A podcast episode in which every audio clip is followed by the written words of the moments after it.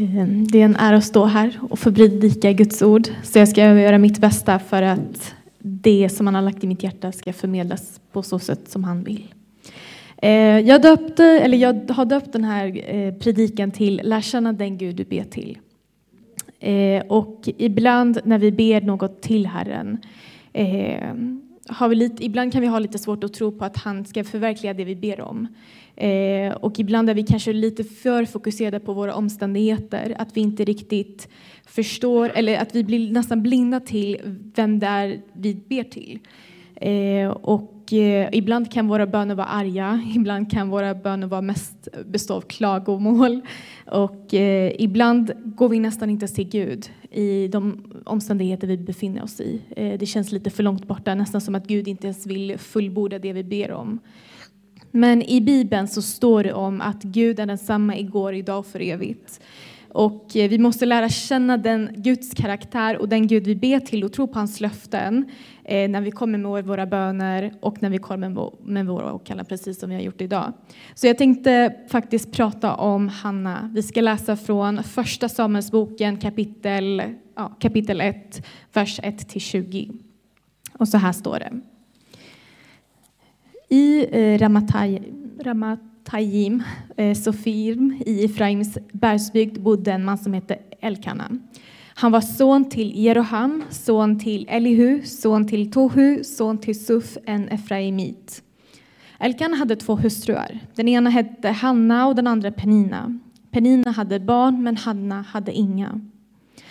Alkana gav sig, iväg, eh, gav sig år efter år iväg från sin stad för att tillbe och offra åt Herren Sebiot i Kilo, där Elis båda söner Hofni och Penehas var Herrens präster. Den dag Elkana bar fram sitt offer brukade han ge sin hustru Penina och alla hennes söner och döttrar var sin del av offret. Men åt Hanna gav han dubbelt så stor del för att han älskade henne även om Herren hade gjort henne ofruktsam. För att provocera henne brukade hennes rival retas mycket med henne därför att Herren hade gjort henne ofruktsam.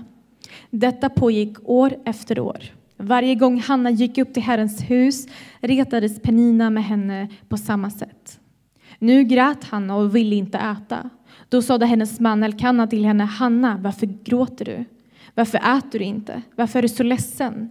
Är, inte jag mer, eh, är jag inte mer för dig än tio söner? När de hade ätit och druckit i Kilo reste sig Hanna och gick till Herrens tempel där prästen Eli satt på sin stol vid dörren. Hon var djupt bedrövad och började be till Herren under häftiga gråt. Hon gav ett löfte och sade Herre Sebeot, om du vill se till, min, till din kärarinnas lidande och komma ihåg mig och inte glömma din kärarinna utan ge henne en son, då ska jag ge honom åt Herren för att hela hans liv och ingen eh, rak kniv ska röra hans huvud. Medan hon bad länge inför Herren iakttog Eli hennes mun.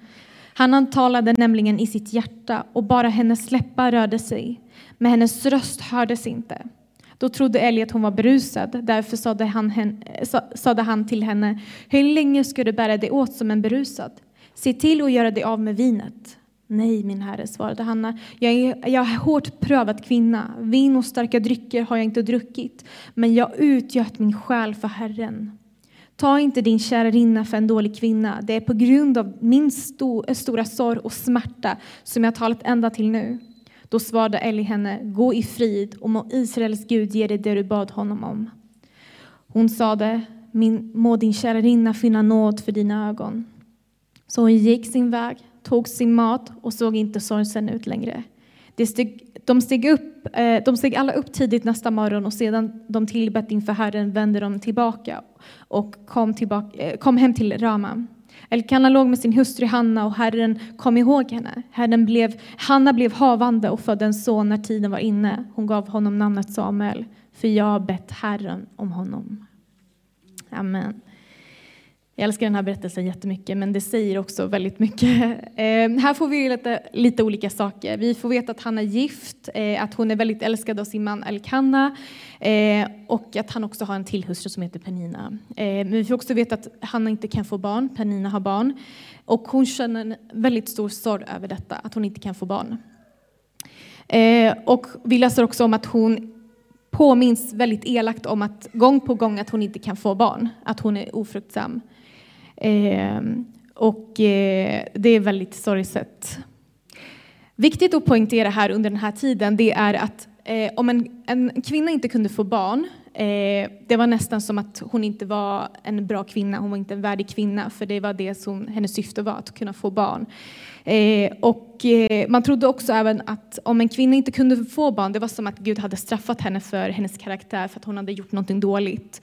Eh, eh nästan som en förbannelse, för att eh, att kunna få barn var en välsignelse, det tydde på en välsignelse. Men att du inte kunde få det var som att du var, hade en förbannelse över dig. Eh, och det påmindes Hanna dagligen om, att hon inte hade en välsignelse över sig. Eh, så Hanna, hon, kämpar, hon har två olika kamper. Hon har en inre kamp eh, om att hon inte är tillräckligt god fru, en tillräckligt god kvinna för att kunna bära ett barn.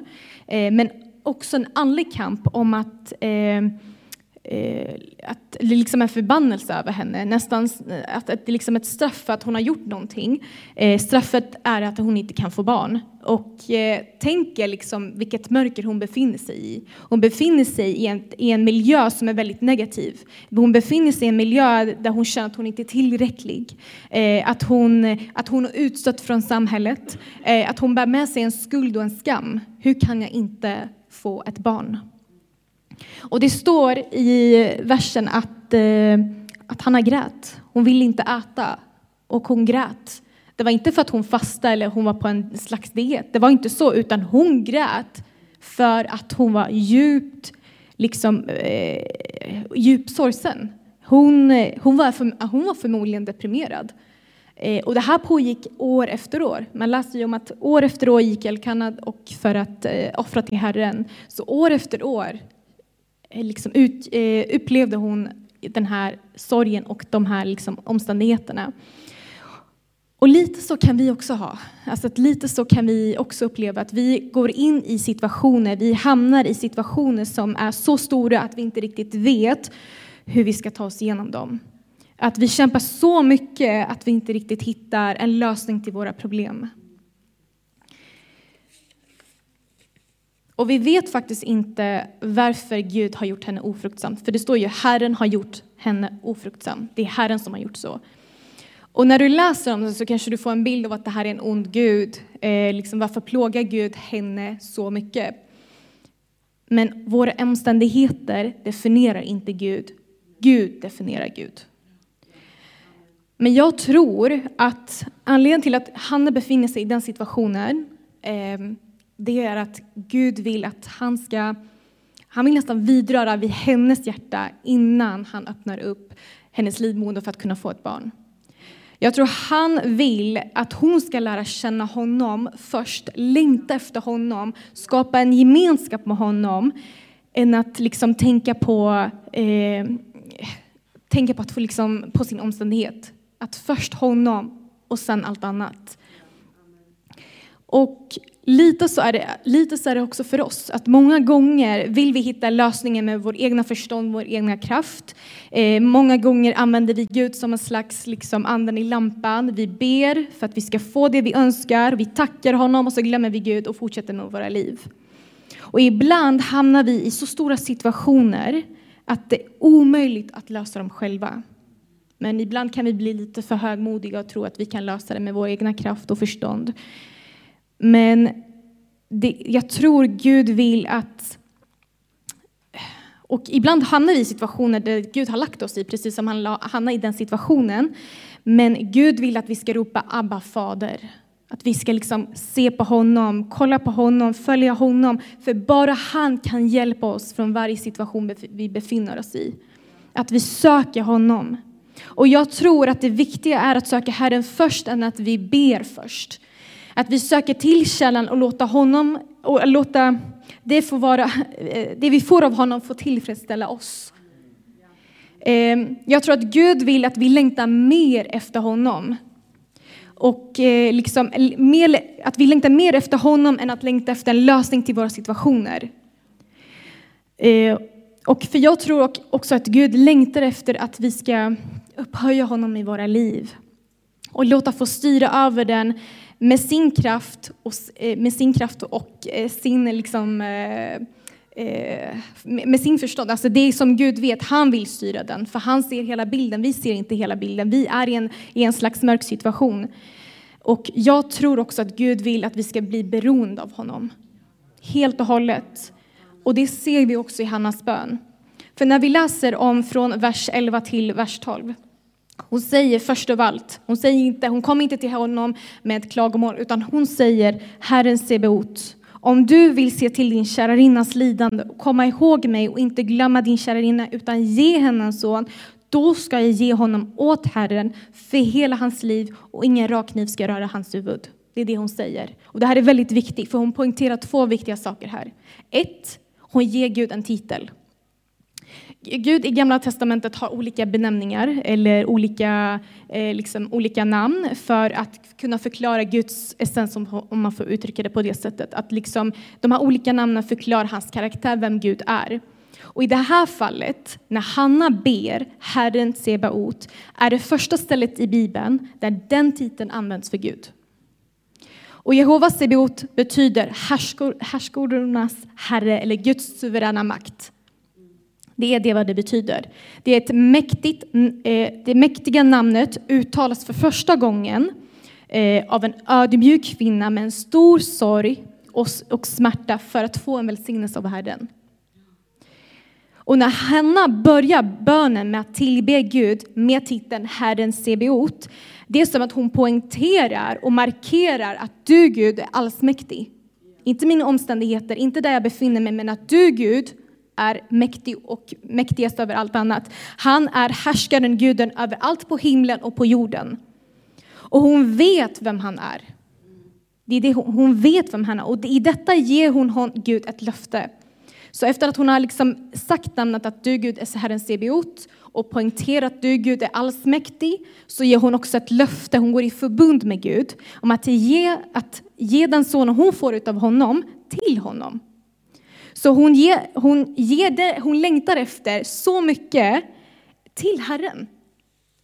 Och hon har ett förtroende på att Herren är hennes försörjare.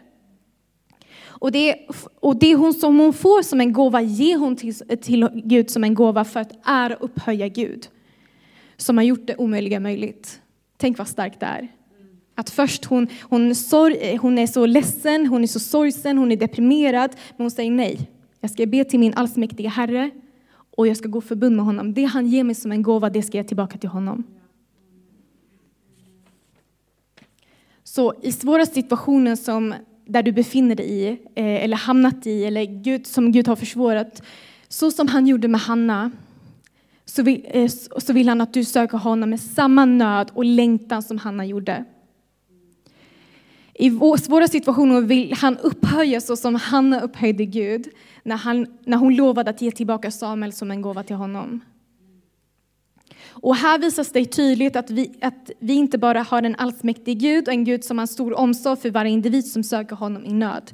Så han, det är en allsmäktig fader men en fader som också har en jättestor omsorg för dig, precis som det talats om tidigare.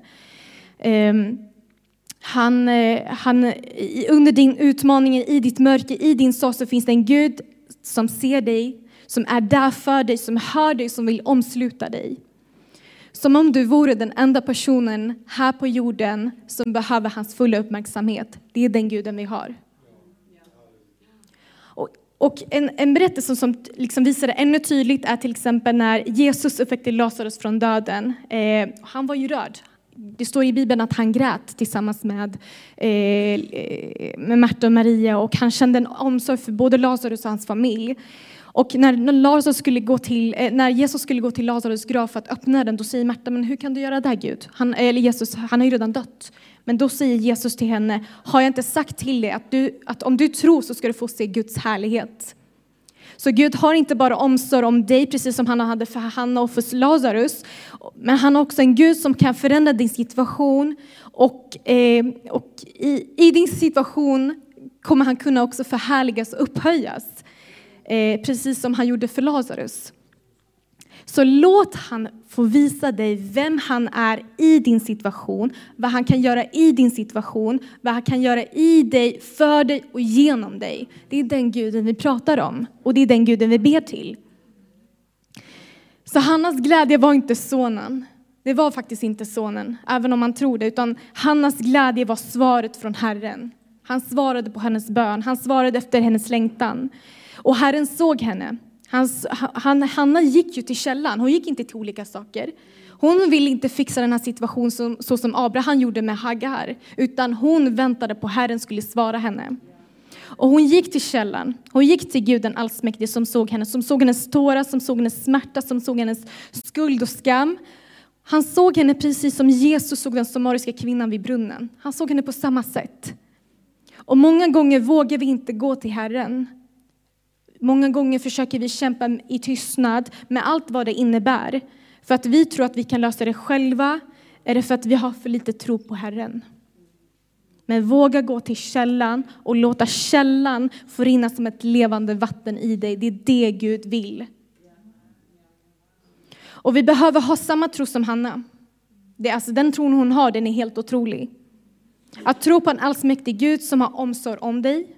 Att tro på en Gud som kan göra det omöjliga möjligt. Tro på en Gud som kan göra vind till vatten, som övervann döden på korset, som har räknat varje hårstrå på ditt huvud, som har gett dig kraften att trampa på ormar och skorpioner, som har gett dig en frid som övergår all förstånd. Det är den guden vi ska tro på.